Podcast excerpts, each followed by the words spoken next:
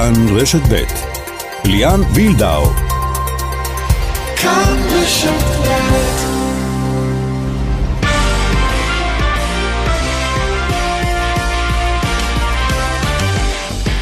כאן ספורט, שלום לכם. הנציגות הישראליות הערב במשחק הראשון בפלייאוף הקונפרנס ליג. מכבי תל אביב כבר בשעה זו משחקת, מכבי חיפה והפועל באר שבע מאוחר יותר ינסו להשיג מקדמה לקראת הגומלין. נשמע גם על התוכניות של מנהלת הליגה בכדורגל לאסור על אוהדים אלימים וגזענים להיכנס למגרש, והכוונה גם במגרשי החוץ, וזהו תקדים, נתהה איך ואם אפשר לאכוף את זה. וכמובן נתכונן לפתיחת המשחקים הפראלימפיים, זה קורה בשבוע הבא בטוקיו, גם הפעם צפויות מדליות. מפיקת כאן ספורט אורית שולץ, הטכנאי שמעון דוקרקר, ליאן וילדאו, איתכם עד חמש.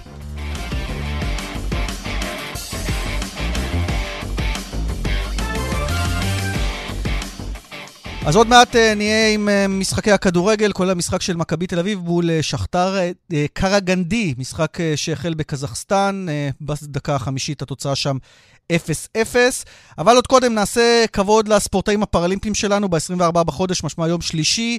יוצאים המשחקים לדרך בטוקיו, אה, מעל 4,400 ספורטאים ומשלחת ישראלית של 33 אה, ספורטאים ב-11 ענפים. ומי שכבר נמצא בטוקיו הוא רוני בולוטין, המנהל המקצועי של הוועד הפראלימפי. שלום.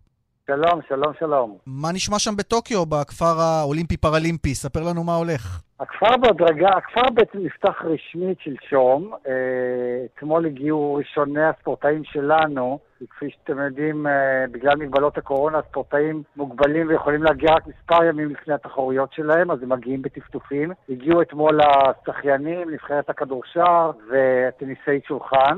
והכפר בהדרגה מתחיל להתמלא, זה, מתחילים להתחיל להרגיש את ההתרגשות של המשחקים הפראלימפיים. הכל קצת שונה ממשחקים קודמים, כולם פה עם מסכות, כל יום בדיקות, יורקים למבחנות. מוזר, קצת שונה, אבל עדיין מתחילים להרגיש את האווירה ואת המתח של משחקים פראלימפיים. רוני, עם האולימפיים כל הזמן דיברנו על מדליות מדליות, וזה עלה לציפיות. אה, כך אה, גם צפוי בפראלימפיים. בואו נתחיל מהצפי. מה הצפי שלנו? מספר של מדליות.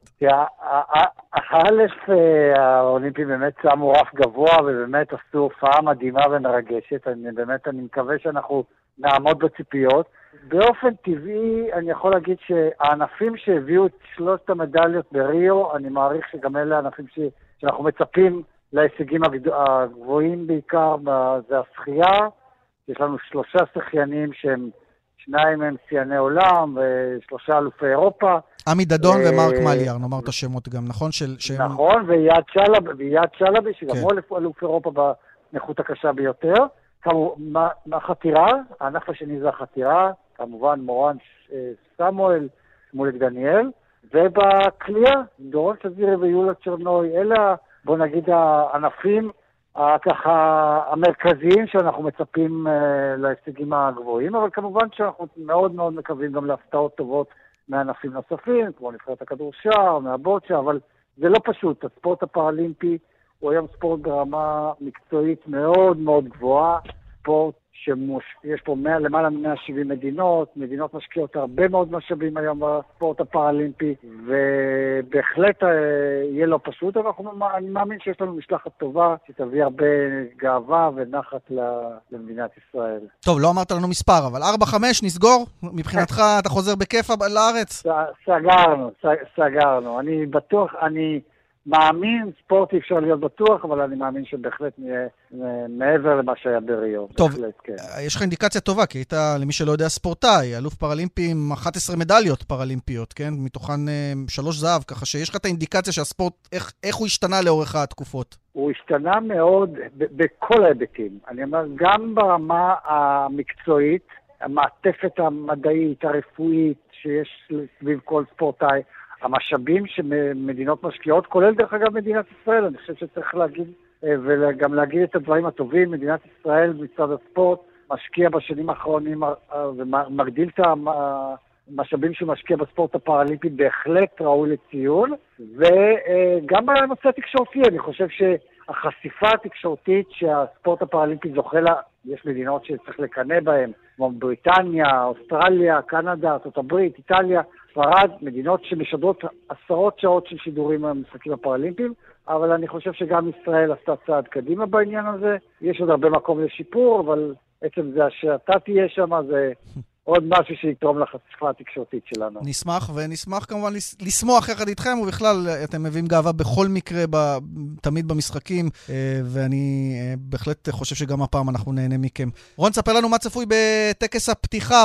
אצל האולימפים ראינו כל מיני הגבלות קצת, אה, מבחינת חברי המשלחת, אולי מבחינת קורונה, איך כן. זה הולך לעבוד אצלכם? כן, ההגבלות יהיו גם אצלנו, מה שכבר אנחנו יודעים, לא הכל עוד סגור, דרך אגב. לגבי הצופים הם אפילו עוד לא קיבלו החלטה סופית. יכול להיות שיהיה צופים במשחקים? יהיו... בתחרויות יכול להיות, הם עוד לא קיבלו החלטה סופית. ההערכה שלי שבסוף לא יהיו, אבל mm-hmm. הם עוד לא קיבלו החלטה סופית לגמרי. אה, בטקסט הפתיחה לא יהיו אה, אה, צופים, אבל מבחינת המגבלה, אפשר שכל הספורטאים יוכלו לצעוד בטקס הפתיחה. לגבי צוות, יהיה לכל משלחת לפי גודלה קווטה של כמה מתוך הצוות יוכלו לצעוד. כך שלא כל המשלחת, אבל כל הספורטאים יצעדו, ויש פה חידוש, כמו שהיה באולימפים פעם ראשונה, שאת הדגל יישאו ספורטאי וספורטאית, והוועד הפראלימפי בחר במורן סמואל החותרת ובנדב לוי, שחקן הבוצ'ה. לשאת את, אה, את הדגל של משלחת ישראל בטקס הפתיחה ב-24 לחודש, שישודר בשידור ישיר בערוץ הספורט. אם כך, אנחנו מאחלים לכם בהצלחה. רון בולוטין, הרבה תודה. תודה, תודה לכם, תודה ליאן. זהו רון בולטין, המנהל המקצועי של הוועד הפראלימפי ושחיין עבר, כאמור, מדליסט אה, אה, פראלימפי בעברו. ואנחנו גם נזמין אתכם אה, החל מהשבוע הבא, מ-24 בחודש, יום אה, שלישי, 20 ל-4, חוזרים למתכונת האולימפית עם היומן האולימפי, שהופך להיות היומן הפראלימפי. מטוקיו עד כאן, אורי לוי ילווה אה, מכאן את המשחקים הפראלימפיים, עם עדכונים שלנו כמובן אה, מטוקיו. ומי שיצר קשר היום וברך את המשלחת הפראלימפית, כולל את אה, אה, רון בולוטי, ששוחחנו איתו זה עתה אה, לקראת המשחקים, שוחח גם עם שאר אה, ראשי הענפים, הוא ראש הממשלה, נפתלי בנט. הנה. זה באמת ההשראה לכולנו. עוד לפני האולימפיאדה, אתם אה, זכיתם אצלי, כולכם, למדליית זהב על הנחישות, על ההתמדה, על ההתגברות על קשיים עצומים, עצומים, ועל אופטימיות אה, לאורך כל הדרך, גם ברגעים הקשים. אה, יש לכם עכשיו תחרות קשה מאוד עם המשלחת שחזרה מטוקיו, אז אה, חבר'ה, הם קבעו סטנדרט אה, גבוה. אה, אין מצב שאתם מביאים פחות מדליות זהב מהם, אין מצב. אני סומך עליכם, אבל לא מנסה להלחיץ אתכם. תדעו שאנחנו מאחוריכם, גם בטוב, גם ברגעים הפחות טובים. אנחנו גאים בכם, מאמינים בכם, ואני נורא שמח גם שיש רוב של נשים, למרות שגם גברים הם בסדר. כן, גם הגברים בסדר.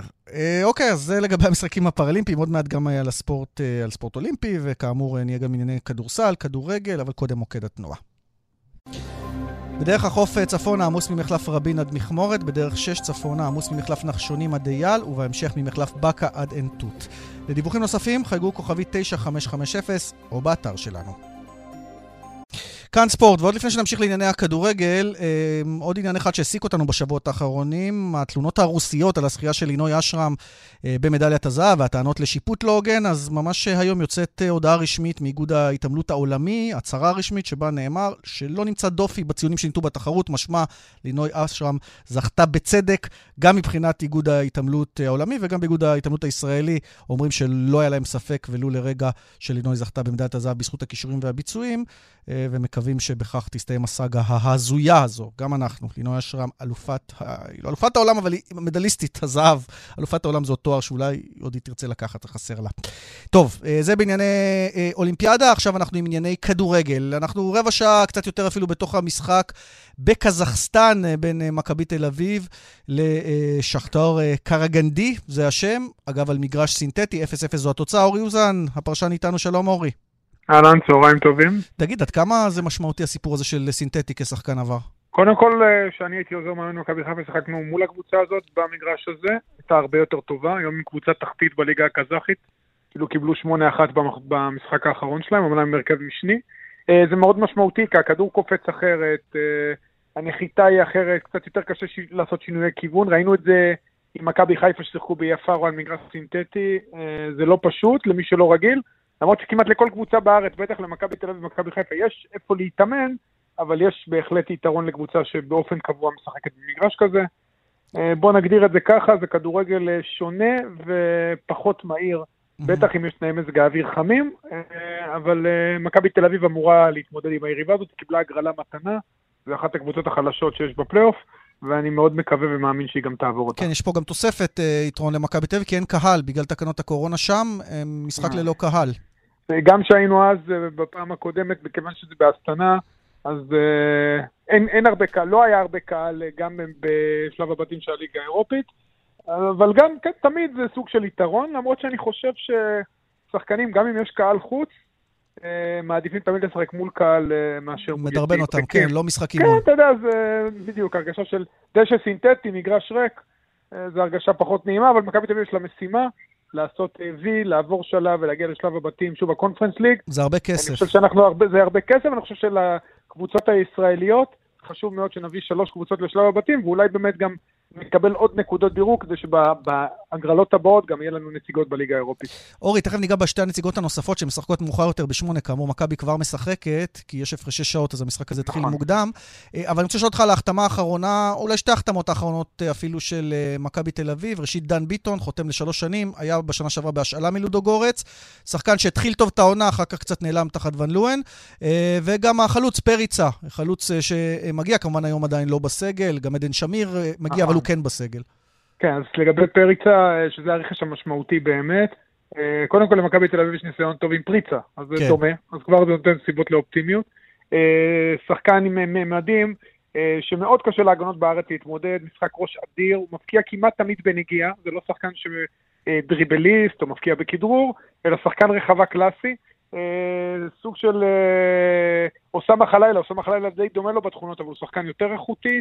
אה, הוא קצת נמצא בסוג של ירידה בקריירה, לכן הוא פה הגיע מווטפורד אחרי שכמעט ולא שיחק בעונה שעברה, או שיחק מעט מאוד. אה, אני חושב שהוא יכול להיות בהחלט שחקן מאוד משמעותי בליגה שלנו, אבל הוא יהיה גם תלוי באספקת הכדורים. ואגב, אספקה, אתה אומר משחק ראש, משחק בנגיעה, הוא יצטרך אספקת כדורים, ודן ביטון אמור להיות העשר נכון. שאמור לספק לו את הכדורים הללו עם רגל שמאל נהדרת. גם העשר וגם המצבים הנייחים, אנחנו יודעים שדן ביטון יש לו גם מצבים נייחים וקרנות אה, מאוד מאוד טובות. בעונה שעברה, אתה יודע, זה די מפתיע, כשאצל דוניס הוא היה יותר משמעותי מאצל ואן ליואן, כל פעם שהוא שיחק הוא כן נתן מספרים, גם בגלל עניין המצבים הנייחים. אה, כנראה מכבי תל אביב ראו, היום הקישור זה גלאזר, ייני ואבי ריקן. הם צריכים שחקן אה, יצירתי, נוסף. חייבים. כן, שייתן את האקסטרה בקישור, איבדו את דור פרץ שהוא היה סופר משמעותי בהצטרפויות, הם יקוו שדן ביטון ייתן להם את המספרים מהעמדה הזאת. בינתיים אה, אין מספרים גם במשחק הזה, דקה 20-0-0 בקזחסטן. אתה אומר, יצטרכו לעבור, אולי גם לעשות תוצאה טובה ולעבור בארץ. תשמע, גם בשני סיבובים הקודמים, גם מול יריבות מאוד חלשות, 0-0, נכון. 0-0 בדיוק, אז... תמיד יש אופטימיות שחוזרים לארץ, אבל אני מאוד מקווה שמכבי תל אביב כן תחזור אה, לארץ עם מקדמה ולא עם תיקו אפס. טוב, עכשיו מכבי חיפה, בשמונה יש לה את נפצ'י בקו, יותר נכון אה, נפצ'י בקו מארחת את אה, מכבי חיפה. בואו נשמע ראשית את מוחמד אבו פאני לקראת המשחק הזה. אני לא חושב שמכבי חיפה היא הפיבוריט במשחק הזה, זה משחק של שתי משחקים. אם הקבוצה של נפצ'י הגיעה לפה, זה אומר שהיא קבוצה איכותית מאוד וחזקה מאוד. זה אומר שהיא ברמה שלנו, אם שנינו הגענו למצב הזה. ואנחנו באים לעשות את העבודה, מתרכזים בעצמנו, ברור שהם קבוצה חזקה וטובה, אבל אנחנו גם קבוצה חזקה וטובה. מקווים לנצח בשני המשחקים האלה ולהפיל לשלב הבתים. כן, אז אה, אומר, אנחנו לא, אנחנו לא הפייבוריטים לטעמו. אתה מסכים איתו? לא, ממש לא. אני אגיד לך גם למה. אמנם נפצ'י בקו, היא לקחה אליפות אחרי אה, שליטה מוחלטת בש, בשבע, שמונה שנים האחרונות של קרבאח. אנחנו מכירים את קרבאח במשחק מול אשדוד. אה, אבל השחקן הכי טוב שלה, נמיקה לסגרוב, הוא מלך השערים, עבר לבורסה ממש... הוא שיחק בשלבים המוקדמים, לפני שבוע עבר לבורסה ספורט בטורקיה. הם הגיעו לכאן אחרי שהפסידו לאלסינקי. אה, בסיבוב הקודם הופסו על ידי אלסינקי למעשה 2-2 בבית, 3-0 בחוץ, 5-2 בסך הכל. מכבי חיפה קבוצה יותר טובה, אה, אמורה לעבור, הם לא, הם פתחו את הליגה גם עם תיקו, הם עשו מחזור אחד. אה, אני חושב שמכבי חיפה עדיפה, ל, עדיפה על הזרים בכל פרמטר. בפעם האחרונה שמכבי חיפה גם הייתה באזרבייג'אן, אמנם זה היה בלנקרן, היא חזרה עם 8-0, ואולי בניצחון הכי גדול של קבוצה ישראלית באירופה, זה לא יקרה עכשיו, mm-hmm. אבל אני חושב שמכבי חיפה צריכה לחזור אפילו עם ניצחון היום, היא קבוצה יותר טובה, והיא אמורה לעבור את נפצ'י בקו עם כל הכבוד, ויש כבוד לאלופת אזרבייג'אן. יפה, אז זה בשמונה, בשמונה בטרנר, וזה חידוש, כי המשחקים של באר שבע עד עכשיו היו בפתח תקווה, טרנר אושר חלקית לפחות. חלקית, נכון. כן, עדיין, כי עדיין יש יציאה... טרנר חלקי זה עדיין עדיף מהמושבה... כן, כן, זה, זה גם עשרת אלפים, זה גם עשרת אלפים צופים בכל מקרה, ככל הנראה. אז הפועל באר שבע מארחת את אנורתוסיס, האקסית של uh, רוני לוי, וגם מקבלת חזרה את איתי שכטר, שחוזר uh, מקורונה, ולא לא יפתח אולי, אבל יוכל לשחק. בוא נשמע את שכטר קודם כל מתייחס למשחק הזה.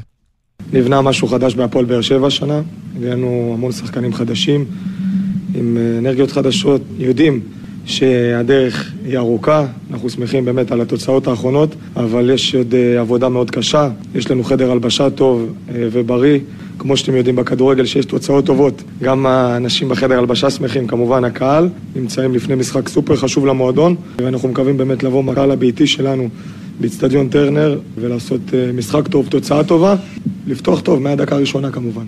כן, וראינו כמה זה חשוב לפתוח טוב מהדקה הראשונה, כי באר שבע הכריע למעשה את הסיבוב הקודם עם שני גולים מהירים אה, מול אה, ארדה, וככה עלתה למשחק הזה מול ארנורטוזיס. שכטר קצת צרוד אגב, אני מקווה שזה לא ספיחים של הקורונה, אבל הקבוצה ממש לא, בוא נגיד, אה, זורמת, ממש לא צרודה. אתה רואה את הפועל באר שבע מאוד מרשימה במשחק הקבוצתי שלה. הכי מרשימה אולי, נכון. קודם כל היא עברה את הקבוצה הכי חזקה, את ורוצלב. ורוצלב, סליחה, אמרתי ארדה, כן, עוד כן. לפני כן עברה את ארדה. ארדה זה היה קודם, ארדה גם עברה אותה בצורה מרשימה. נכון, שני המשחקים, שני המפגשים היו מרשימים. נכון. אצל ורוצלב היה מה שהיה מרשים, שהם הגיעו לארץ בפיגור אחרי המשחק הראשון, מול קבוצה שהיא אה, מקום רביעי בליגה הפולנית, ללא הפסד העונה, שעברה שני סיבובים מקדמים באופן חלק, והיא באמת אה, עם ניהול טקטי יוצא מן הכלל של רוני לוי, בא מאוד מוכן למשחק. אה, וגם הופעה טובה מאוד של דור ביחה פעם ראשונה בהרכב. אה, באמת נתנה משחק למופת ועברה בצורה מרשימה. אה, עד עכשיו אולי הקבוצה הישראלית הכי מרשימה. אגב, זו לא, אבל, זו לא הנורטוזי של רוני לוי, צריך להגיד. לא, לא. שינויים עצומים בסגל. כל שנה בקפריסין, מי שמכיר קצת את הליגה, זה גם לא הנורטוזי של דור מיכה, יש שם המון המון שינויים, ועדיין, זו יריבה לא קלה, יריבה שמשחקת, לא תהיה לה בעיה כמובן עם תנאי מזג האוויר, שזה סוג של יתרון תמיד שמארחים בארץ לקבוצות ישראליות בחודשים האלה. אני חושב שעדיין, באר שבע, שוב, לטעמי הכי מרשימה מכל הקבוצות הישראליות אה, בשלבים המוקדמים, אם היא תמשיך את המומנטום ורוני לוי ימשיך לנהל טוב את המשחק מבחינה טקטית, זה מה שהוא עשה, כמו שאמרתי, במשחק הקודם, באר שבע יכולה לעבור, אה, להכניס עוד שחקנים לכושר, היא בנתה סגל מצוין, עדיין יש כמה חוסרים, אולי היום נראה את אספריה, אה, הזר הקולומביאני החדש שבאמת מגיע עם מספרים יפים מהמפרץ. ועם שם מחייב, כן. ועם שם, כמובן, המחייב מאוד, ואני עוד פעם, אנחנו, הקונפרנס ליג נבנתה בשביל קבוצות בסדר גודל של הקבוצות שלנו, ואם נגיע עם שלוש קבוצות לשלב הבתים, זה יהיה פשוט נפלא, זה ייתן לנו עוד נקודות דירוג, אני גם מאמין שלפחות אחת מהן תעבור, ואז גם אה, בעתיד יהיו לנו עוד נציגות בליגה האירופית. זה המטרה של הכדורגל שלנו, לחשוף את השחקנים שלנו החוצה, להוציא אותם, וזה גם בטווח, באופן כללי יכול גם לעזור לנבחרת. אורי אוזן, הרבה תודה. בהצלחה לכל הישראליות, ותודה לך, אחלה סופש. תודה לאורי אוזן, ואנחנו רוצים להמשיך עם ענייני הכדורגל, אבל הפעם עם uh, מאבק מבורך uh, באוהדים אלימים וגזענים, כך uh, מחליטה מנהלת הליגה, כלומר, המאבק הוא תמיד מבורך, אבל עכשיו גם יש, אנחנו מקווים, החלטות ביצועיות. ארז חלפון, יושב ראש מנהלת הליגות בכדורגל איתנו, שלום ארז.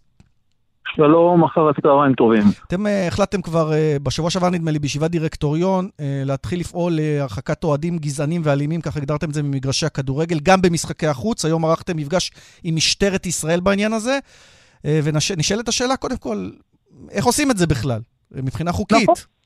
תראה, קודם כל, אנחנו, כל קבוצות הליגה, זאת החלטה שהתקבלה כבר לפני שלוש שנים להחזיר את המשפחות ואת הילדים למגרשים ולהיאבק באותם, אני לא קורא להם אוהדים, האנשים האלימים, הגזענים, שבאים להרוס את חוויית המשחק. אז רגע, אני רוצה אותך אה, בדיוק בנקודה הזאת. אה, אלים גזען זה, זה טייטל מאוד גדול. אה, השאלה איך לי, מגדירים מיהו אלים וגזען. תן לי, תן לי רגע ואני בקשה. אסביר בדיוק. בכל מקרה, אלים, ואני חושב שגם כל התקשורת, וטוב שאני מדבר איתך, צריכה להצטרף, כי אנחנו רוצים לנקות את הכדורגל ולאפשר רמת בעיקר למשפחות, לילדים. אינטרס של כולם, ול, ברור. ולאוהדים נורמטיביים. אנחנו קיבלנו החלטה בדירקטוריון, לאחר מכן צריך ליישם את זה. ישבנו היום עם היועצים המשפטיים, הפרקליטות, משטרת ישראל, קבוצות, מנהלי אירוע, כדי לבוא ולפרוט את זה לתוכנית העבודה. תוכנית עבודה תהיה שכל קבוצה, שכמובן מנהלת מעקב אחרי אותם אוהדים אלימים וגזענים, וכל קבוצה יודעת מי אותם אוהדים, היא תנהל רישום של אותם אוהדים. לפני משחק היא תעביר את השמות למשטרה, וגם לקבוצת הבית שמארחת אותם. Okay. אוקיי. כולם יהיו בעניין, אותו אוהד יקבל הודעה מהקבוצה שנאסר עליו להגיע. אם האוהד יחשוב שנעשה לו עוול והיה משהו, הוא יכול להגיש ערעור, תוקם ועדה. רגע, עוד לפני הערעור, רגע, עוד לפני הערעור והוועדה. שנייה, לא, שנייה, אתה... רק... כן, תשלים, בבקשה. אני רק אסיים. תהיה ועדה, יהיה בה יועץ משפטי, כי בסופו של דבר אם קבוצה, ואני לא הולך לשם בכלל כי אנחנו לא שם, תעשה החלטה, אה, נקרא לזה לא הגיונית, ותרחיק מישהו שהוא לא אלים וגזען, אותו אוהד יהיה לו את הזכות לתבוע אותה, וכל הקבוצות יודעים את זה. לאחר מכן השמות יועברו, המשטרה תיערך בכניסות, אם חברת האבטחה של הקבוצה שלה יש את המספר אוהדים גזענים, אנחנו נמגר ובסופו של דבר לא נאפשר להם להיכנס ולהרוס את החוויה. אבל, כולם אבל, מתואמים, הכל, יועצים משפטיים. הכל בסדר, אבל זהו, אני רוצה לגעת בעניין הזה של היועצים משפטיים. הרי בסוף, אה, הגדרה של מישהו גזען זה מישהו שהוא הורשע בגזענות בדין, אה, כנ"ל אוהד אלים. ואתם לוקחים את זה למשהו אחר. כלומר, גם מועד שלא הורשע בבית המשפט באלימות, או הורשע נכון, בטענות אה, לגזענות, אתם עדיין רוצים למנוע ממנו, השאלה איך זה עובד משפטית. נכון מאוד, וגם בעקבות הפסיקה שהייתה, שהיא חשובה מאוד, של השופטת אה, בנקי, אנחנו ישבנו עם היועצים המשפטיים, בסופו של דבר, קבוצה שהיא מארחת, היא מוכרת כרטיס כדי להזמין אותך לבוא לחוויית כדורגל. ואם יש מישהו שמקלקל את החוויה, זכותה של הקבוצה לא למכור לו כרטיס ולא לאפשר לו לקלקל, את, לקלקל את, את מה שכולנו רוצים, את משחק הכדורגל. אני איתך, אבל נגיד אה, פלוני אלמוני קילל עכשיו את אה, הבעלים, אוקיי? והבעלים החליט שהוא לא טוב, לא, הבחור הזה לא ייכנס יותר, על קללה אחת, והחליט כך. אה, ליאן, בסוף זה מדרון, אתה יודע, חלקלק. אף בעל קבוצה, ואני אפקח על כך באופן אישי, לא ירחיק אוהד שנקרא לזה, כמו שאתה אומר, קללות, אני אגב מגנה קללות, לא צריכה להיות שום קללה. לא צריך, אבל, אבל זה בטח, קיים. אבל בטח על פעולה, אני מדבר על אוהדים... גם אצל אנשים נורמטיביים, אתה יודע. אני מדבר על אוהדים שמאיימים, אה, עושים דברים שהם חמורים מאוד, לא נכנס כמובן לענייני גזענות שזה בפנים, וכמובן לכל קבוצה שהיא אגב מרחיקה את אותם אוהדים ממשחקי הבית, לא השתנה כלום. אותם אוהדים אלימים שעושים נזק לקבוצות מורחקים ממשחקי הבית. כל מה שקורה, אנחנו מרחיבים את זה. תגיד, איך המשטרה תאכוף את זה, באמת? הרי יגיע, יגיע, נגיד משחקי הבית, אוקיי, הסדרנים מכירים, מה, זה תמונה של האוהד? איך אפשר? המשטרה תעקוף את זה, כי יהיו רשימות, חברת האבטחה של הקבוצה שלה יש את אותם אוהדים גזענים, תעמוד בשערי כניסה של היציע חוץ, תדע עם הרשימות לזהות את האנשים, הרי כולם יודעים מי הם אותם אנשים, ותאמין לי, יכול לא, להיות... לא, אבל עזוב את האנשים המוכרים, הרי אתם מדברים פה על עקירת תופעה שלפעמים גם אנשים שהם לא מוכרים משתתפים בה. אבל אותם אנשים, אותם אנשים הם אנשים מוכרים. מדובר על, על בודדים או על עשרות בלבד, שהחברות אבטחה יודעות לזהות אותם. אתה באמת חושב שסדרן במשחק אני, חוץ אני... יסתבך עם איזה אוהד, להגיד לו, אתה לא נכנס, והספק שזה כן הוא ולא הוא? קודם כל זה תפקידנו, לשמור על האוהדים הנורמטיביים. אבל אלה סדרנים מבוגרים, אה, ארז, זה אנשים, אבל... אנשים שהם לא מחפשים עימותים, הם במקרה הטוב באים לשמור על הסדר. ליאן, ליאן, אנחנו נעשה את הכל ונשתדל לעשות את זה במאה אחוז. יכול להיות שנפספס.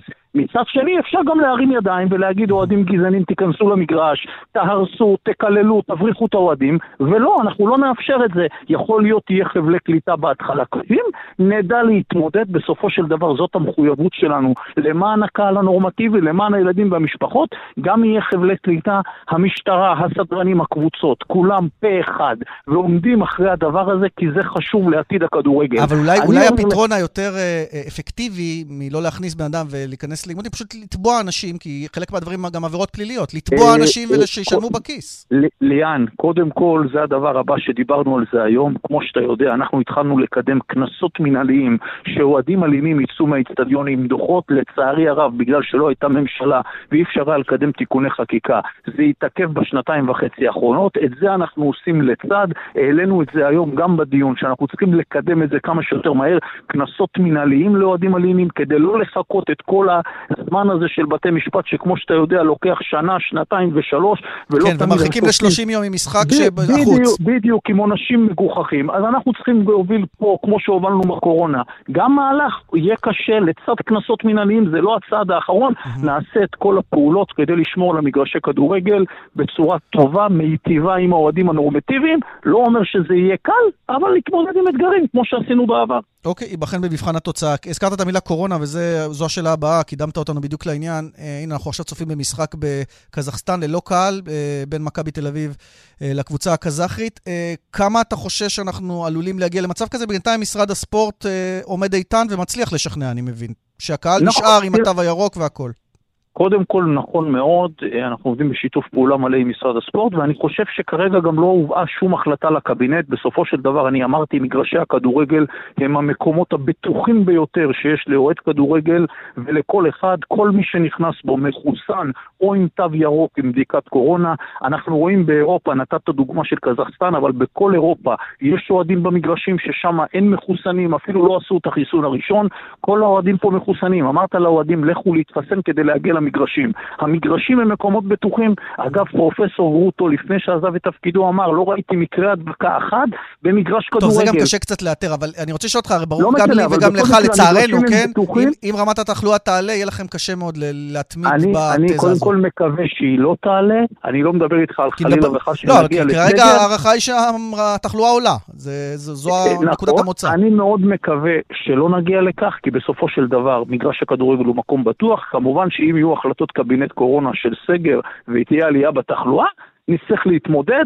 כרגע אנחנו נערכים לפתיחת הליגה בשבוע הבא, לפי איך שקבענו, עם כל הבדיקות, עם המאבטחים ועם הקבוצות, כדי לשמור על האוהדים ועל בריאות האוהדים ובריאות השחקנים בצורה או, המיטבית. בריאות ביותר. השחקנים, מה עושים עם הדרישה של משרד הבריאות שכל שחקן זר שמגיע לפה יתחסן, שזה גם דרישה שנדמה לי צריכה לעבור באיזושהי פלטפורמה משפטית, אולי כבר עברה. אני, קודם כל, אני, מצ- היא צריכה לעבור והיא תעבור, אני מצטרף לדרישה, בסופו של דבר אנחנו רוצים לשמור על בריאות הקבוצות, בריאות האוהדים. אם כי זו דרישה שאתה לא יכול להציג לשחקן ישראלי, כן? צריך להגיד שיש פה יש פה בעייתיות, כי לשחקן ישראלי אתה לא יכול להגיד אתה חייב להתחסן.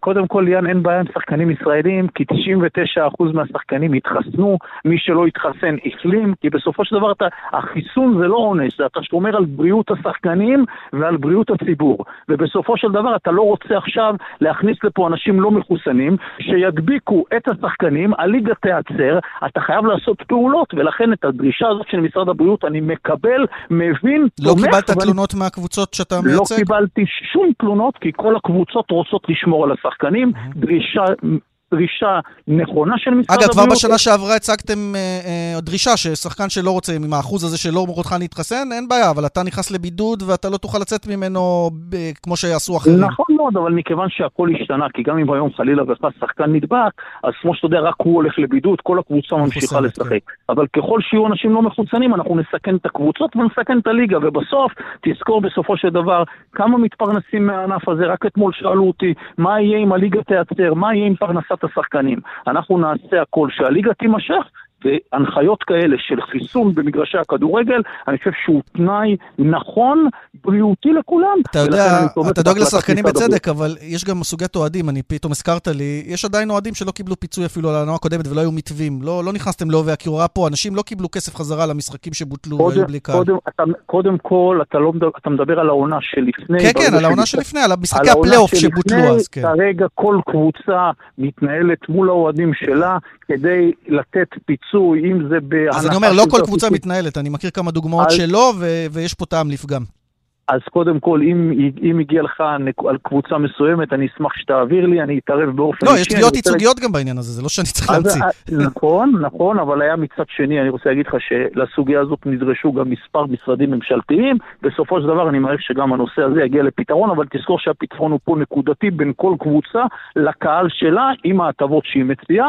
אני חושב שהדבר הזה יכול להיות שייקח קצת זמן, גם הקבוצות, אל תשכח, עצרו להם את הקהל פתאום בהחלטה מיידית, וגם על העונה הזאת שעצרו, אף קבוצה לא קיבלה פיצוי. אני מזכיר לך, רשת ביטחון הגיעה שנה אחרי, ובסופו של דבר אני מעריך שגם בנושא הזה יימצא פתרון. ארז חלפון, יושב ראש מנהלת הליגות בכדורגל. לסיום רק אני רוצה. לאחל בשם כל קבוצות הליגה, בשם כל קבוצות הליגה, הצלחה לקבוצות הישראליות שמשחקות היום באירופה, מקווה מאוד שכולם ינצחו, יעפילו שלב, יביאו כבוד לכדורגל הישראלי, וכמובן ישפרו את הרמה בליגה. תודה, ארז חלפון. תודה לך. עכשיו אנחנו לבשורה שמגיעה מליגת העל אה, בכדורסל אחרי הרבה מאבקים, ורק בשב... לפני שבועיים כאן בתוכנית היה לנו איזשהו ניסיון גישור בין אה, מנהלת הליגה בכדורסל לאליצור נתניה בנוגע אה, למעשה להחלטה שהם לא ישחקו בליגת העל, והם אמרו שהם הציגו את כל הדברים, ובסופו של דבר היום מגיעים לנקודה שמקבלים את האישור לשחק בליגת העל, ואנחנו שמחים אה, לשוחח שוב עם אבי... אבידן נגר, יושב ראש של אליצור נתניה. שלום אבידן. שלום, מה שלומכם? אנחנו בסדר, אתה הרבה יותר טוב. אה, אז לפני שבועיים הי- היו כאן קצת קולות אה, של כעס בשידור, אה, אבל גם ניסיון אולי פשרה, והגעתם לניסיון לפשרה בסופו של דבר, ואתם מציגים את הדברים שנדרשתם, ותשחקו בליגת העל. אלא אם כן יקרה נכון. משהו חריג. אנחנו נשחק בליגת העל. כי אתם עוד צריכים לאשר תקציב למיטב הבנתי, זה מול הבקרה התקציבית. אני מאוד שמח על כך שבאמת בית הדין יצר איזשהו מתווה שהוא הגיוני ולא, ולא היה החלטה ככה טוב שאסור לשחק בליגת העל. אנחנו תמיד עכשיו נמצאים באתגר גם קשה ולא פחות, לא, לא רק קשור לתקציב, תאורטית עוד שבועיים כבר אמורים להתחיל את האימונים והכל, ואנחנו רק עכשיו מתחילים בהכנות ובטירוף. אז רגע, רגע, תכף אני רוצה להגיד לך בהכנות, אבידן, תכף אני רוצה, אבל יש לכם עוד אתגר להעביר תקציב בבקרה התקציבית, נכון? עדיין לא עבר. זה גם אתגר או שאתה בטוח, לא, סמוך ובטוח? בגדול הבקרה התקציבית, אה, אנחנו גם מכירים את הבקרה התקציבית בשלוש שנים בליגה הלאומית. הבקרה התקציבית זה משהו שמלווה אותך כל השנה וגם בסוף השנה. אז אין בעיה עם זה, אתה אומר.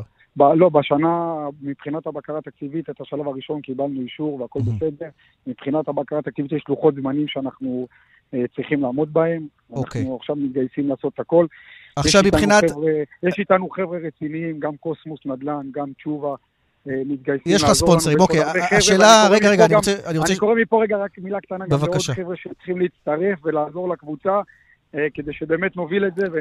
יש הרבה נתניאתים עמידים שהתגייסו לעזור לכם, אין בעיה. עכשיו אני רוצה לשאול אותך על מה שהייתה הבעיה, וזה עמד במרכז המחלוקת, האולם הביתי, נדרשתם להביא תב"ע, תוכנית בניין עיר לבניית אולם. בסוף מה נסגר? תוך כמה זמן צריך להיות לכם אולם, ומה ההסכמה?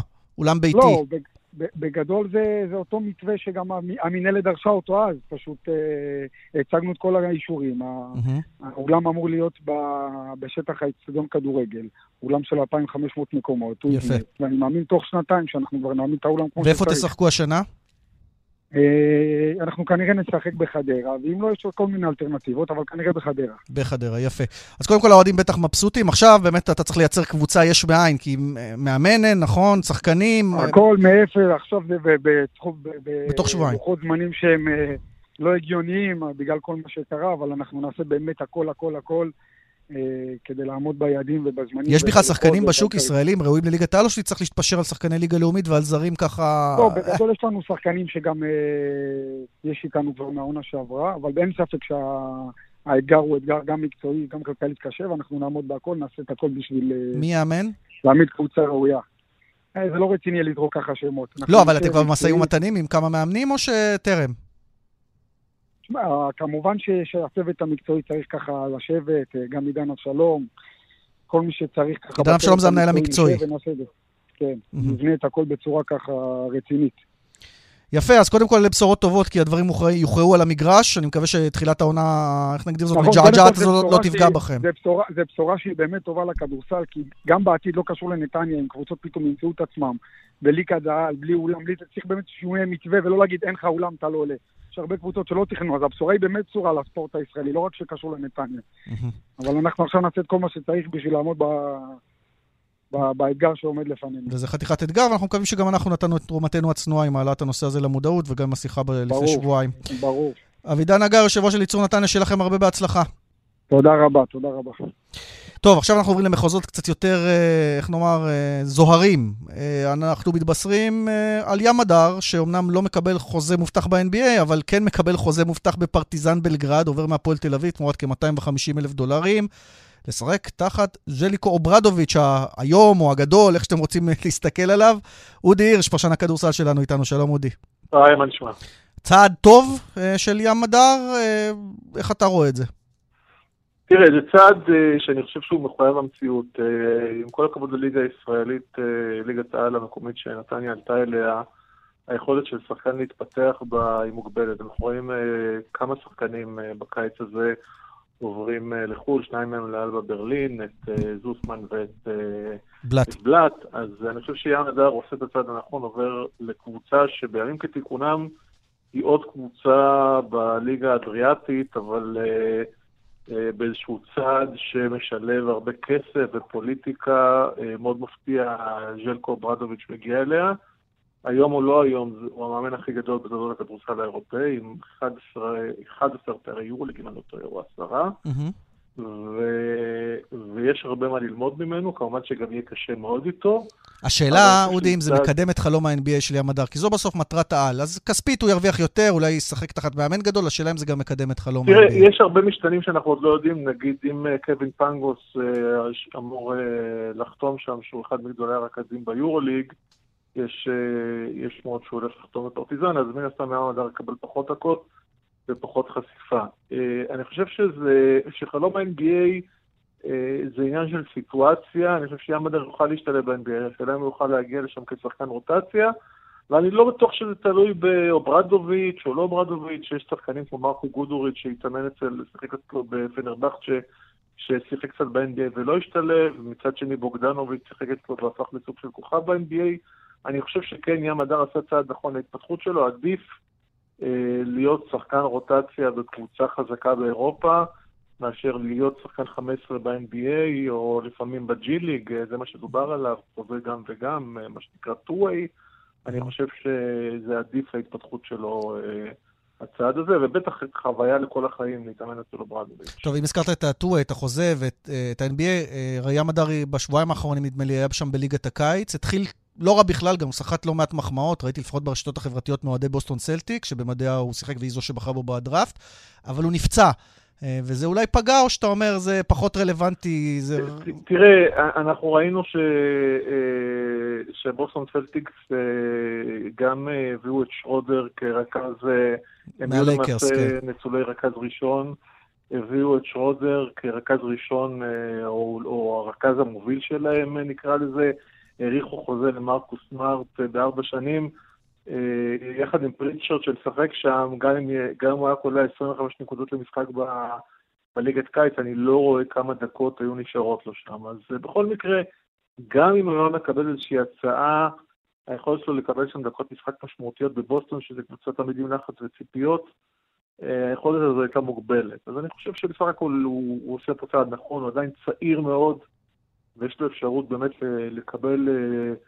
לקבל חסירה בקבוצה שבאמת הרבה עיניים יהיו אליה השנה, בגלל אוברדוביץ', בגלל הפרויקט המיוחד ש...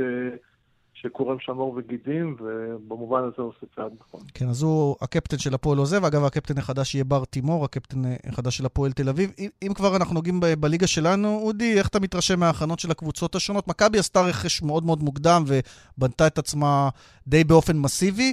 אה, קבוצות אחרות, כבר אפשר לסמן משהו, או שזה עוד מוקדם? תראה, הדבר העיקרי שמסתמן בליגה הזאת אה, זה שהפועל ירושלים אה, קורא לה משהו, אני שומע, או ראיתי היום בבוקר שאורן עמיאל אומר שהקשיים שלהם ברכש זה משהו שמאפיין את כל הקבוצות, זה ממש לא נכון. הפועל ירושלים כרגע במגמה מאוד מאוד מטרידה, עם זר אחד, סגל ישראלי בינוני, וקבוצה שהתרגלנו לראות אותה למעלה, ויש לה כמובן ימרות... ממה זה נובע? הרי בעלי הבעלים, אותם בעלים, לא אורי אלון שהיה, אבל אותם בעלים שהיו בשנים האחרונות. כן, אותם בעלים, וגם אמרו שימשיכו להשקיע, אני בטוח שעושים שם מאמצים, אבל כרגע הסיפור הגדול של הקיץ זה פחות מה שקורה ויותר מה שלא קורה כן. בהפועל ירושלים, ושלב יחסית מתקדם של הפגרה, ומעניין מאוד לראות מה בונים שם ואם בונים שם, כי כרגע אה, זה נראה מטריד מאוד. אודי הירש, פרשן הכדורסל, תודה רבה. תודה. בדרך 60 דרומה עמוס מתל עדשים עד עפולה, בדרך 66 דרומה עמוס מצומת התשבי עד צומת מגידו ובאיילון, צפונה עמוס ממחלף חולון וקיבוץ גלויות עד רוקח, ודרומה ממחלף רוקח עד לגוארדיה. לדיווחים נוספים, חייגו כוכבית 9550 ובאתר שלנו. פרסומות אנחנו שווים גם עם נציגה ביורוליג, דיברנו קודם על כדורסל, יש יורוליג גם בכדורמים. ונהיה עם כרם נוי, שחותמת אה, בקבוצה צרפתית לקראת הצטרפות ליורוליג. כאן ספורט, אה, זה היה שבוע מוצלח לבנות הכרם, אה, אם תרצו. כרם פרימו היא אלופת אירופה לקדטיות בג'ודו, זכתה אתמול באליפות, במדליית זהב למעשה, בתחרות בריגה. היא קצת ביישנית, היא לא רוצה לדבר, אבל יש עוד כרם מוצלחת במיוחד, זו כרם נוי, בת ה-21, שהיא השחקנית הראשונה שחתמה באירופה בליגה הראשונה בענף הכדורמים. היא חותמת באולימפיק ניס מהליגה הצרפתית, ואנחנו אומרים לה שלום, כרם. שלום, נעים מאוד. אה, נעים לנו לשמוע גם שאת הישראלית הראשונה שתשחק ביורוליג. ספרי לנו כמה זה מרגש וכמה זה משמעותי. כן, זה, קודם כל זה מאוד משמעותי, וזה מאוד מרגש אותי אישית, שאני בעצם, אה, אפשר להגיד, הראשונה שפורצת את הדרך והראשונה שעושה את הדברים האלה, זה באמת מרגש. וזהו, כדור מים זה בכלל ספורט שאף אחד לא מכיר, אז בכלל אני כל כך אוהבת את הספורט הזה ונהנית לדבר על זה, ואני שמחה שעוד אנשים שלא מבינים מה זה הספורט הזה, יכירו את זה. אז בואו ננסה ככה להנגיש את זה לכולם. שיחקת בשנה שעברה בהונגריה, ואת עוברת לשחק אה, אה, בצרפת. ספרי לנו קצת על כן. ההבדלים בין הליגות, ברמות. אוקיי. אז קודם כל, הפריצה הראשונה שלי הייתה בעצם בהונגריה, שבעצם אה, צעד כישרונות אה, זיהה אותי, ובעצם הגעתי לשם. דרך הנבחרת אה, אגב? הונגריה. או הגיע כן, ל- לארץ כן. לראות ליגה, אם יש ליגה לא, מספיק לא, טובה? בגלל, בגלל ההצלחות שלנו בנבחרת בשנים האחרונות, אז יותר שמו לב אלינו, אל הנבחרת הישראלית. הסתכלו עלינו, יותר הישגים קיבלנו, אז אתה יודע, נוצרו קשרים, והונגריה בהחלט זה היה מקום ששמתי עליו יותר עין בהמשך לקריירה שלי. ואמרתי לעצמי, אני חייבת לקחת את ההזדמנות הזאת, ובאמת באתי לשם והראיתי להם מי אני ומה אני יכולה לעשות, ובעצם ככה גם חתמתי, וזהו, והגשמתי את החלום הראשון.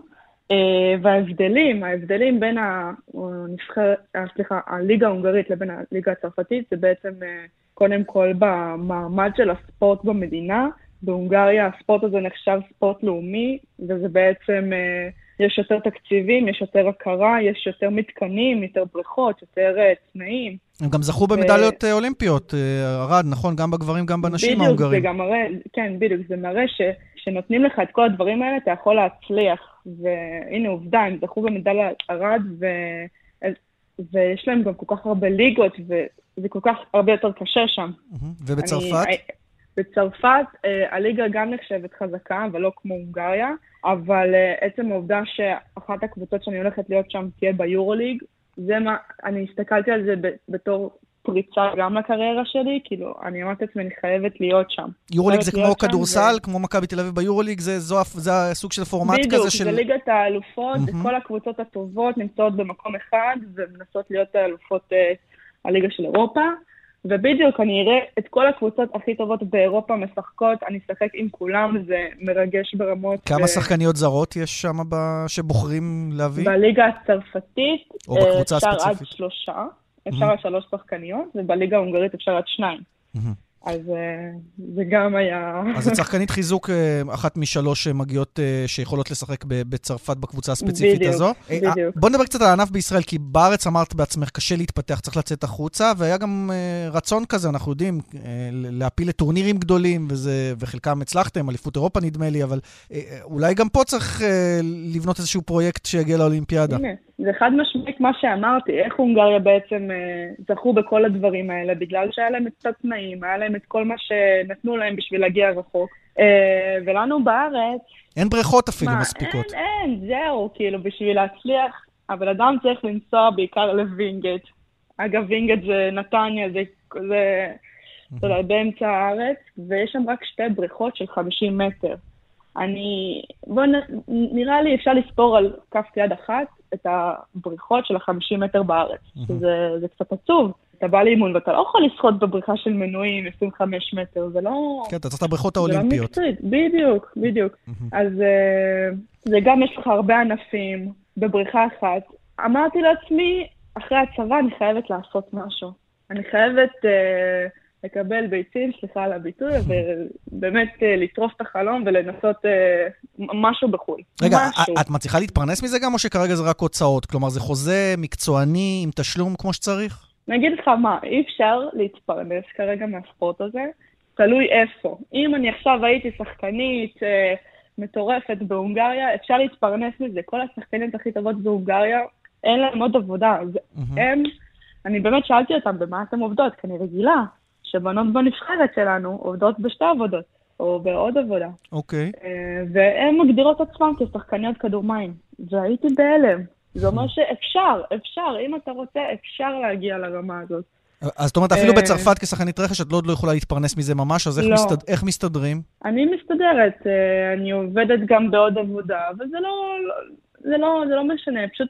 מה מה את עושה. עכשיו עוד עבודה, כאילו, כשחקנית בחו"ל? מה את יכולה עוד לעשות בין המקביל? לא, אני עובדת אה, בעסק של המשפחה שלי מרחוק, אבל זה לא, לא רלוונטי, אבל בכללי אפשר, אם עושים, אה, איך קוראים לזה, רישיון להיות מציל, אני יכולה לעבוד שם במציל, אה, להיות מצילה, או ללמד שם אה, ילדים לשחות, אבל זה משהו, בדיוק, זו קריירה שקשורה ל- מאוד לספורט. אבל אנחנו עוד לא שם, אין מה לעשות. אני, אני, אני פותחת את הדלתות, אני בונה את זה, כאילו, אני, אני מרגישה שכרגע זה גם עליי האחריות, גם בארץ אגב, כאילו, אם אני מראה שבחורה יכולה אה, לשחק בחו"ל, בחורה ישראלית יכולה לשחק בחו"ל, אה, להגיע להישגים כאלה, אז אני יכולה גם לבקש על זה יותר כסף. כאילו, אם אתם רוצים שאני אשחק בשבילכם, אני, כאילו, אני זאת שתעלה לכולם את המשכורת החודשית, בוא נגיד את זה ככה, בכדור מים הישראלי. ככה אני מרגישה כרגע. קודם כל הלוואי, כי אנחנו יודעים שתקציבים זה משהו באמת אה, שחסר להרבה ענפים, לא רק לכדור מים, אבל אני שומע עוד ועוד מקרים על הכדור מים. אה, ואנחנו מאחלים לך בהצלחה, שתגשימי גם את החלום המקצועי, ותהיי מקצוענית בכל מובן המילה, כלומר, גם עם חוזה יפה, זה אנחנו גם מאחלים. כרם נוי, רבה רבה רבה. בהצלחה בליגה הצרפתית, ביורוליג, ונמשיך לעקוב. תודה. תודה רבה. הנה, יש ליגיונרים גם בכדור מים. טוב, אנחנו לקראת uh, סיום, אז uh, א', נעדכן אתכם uh, שהמשחק של מכבי תל אביב במסגרת הקונפרנס ליג בחוץ בקזחסטן מול שכתר קרנגנדי, נמצא כרגע במחציתו, עם תיקו אפס, תוצאה שמוכרת היטב למכבי תל אביב ממשחקי החוץ הקודמים, בשלבים הקודמים. הערב בשמונה מכבי חיפה מול נפצ'י בקו, ובשמונה בטרנר, הפועל באר שבע מול אנוטוזיס. הנה נשמע גם את רוני לוי, מאמן הפועל באר שבע לקראת המשחק הזה מול האקסיט שלו. ראשית, אנחנו חייבים להודות לקהל שלנו שהגיע גם במושבה לתמוך בנו בצורה טובה מאוד. כמובן שטרנר זה הבית שלנו וזה הרבה יותר משמעותי, זה תוספת כוח מאוד מאוד גדולה ואנחנו נשתדל לגייס את הקהל איתנו כדי לנצח את המשחק הזה. כן, מפגש ראשון מבין שניים, אין משמעות לשערי חוץ אה, או שערי בית. נזכיר לכם, הפורמט השתנה רק להפרש השערים עצמו. אז זו, זה הליגה, אה, זאת הליגה, ליגת הקונפרנס, הליגה האירופאית החדשה שבמסגרתה משחקות הנציגות הישראליות. נזמין אתכם אה, שוב גם ליומן הפראלימפי. חדש-ישן שלנו, חוזר אחרי הפגרה הקטנה מהאולימפיאדה, מטוקיו עד כאן, בכל יום מיום שלישי הקרוב, בכל יום 20 ל-4 עד 4 אורי לוי ילווה את המשלחת הפראלימפית שלנו. שיוצאת לדרך ב-24 בחודש, יום שלישי, למעשה טקס הפתיחה של המשחקים הפראלימפיים. אנחנו חותמים ומודים גם למי שהפיקה את המשדר, לאורית שולץ, הטכנאי כאן באולפן בבאר שבע, שמעון דוקרקר, לאילן אזולאי בירושלים. אני ליאן וילדאו מודה לכם שהאזנתם, שיהיה סוף שבוע נפלא. שמרו על עצמכם, ביי ביי.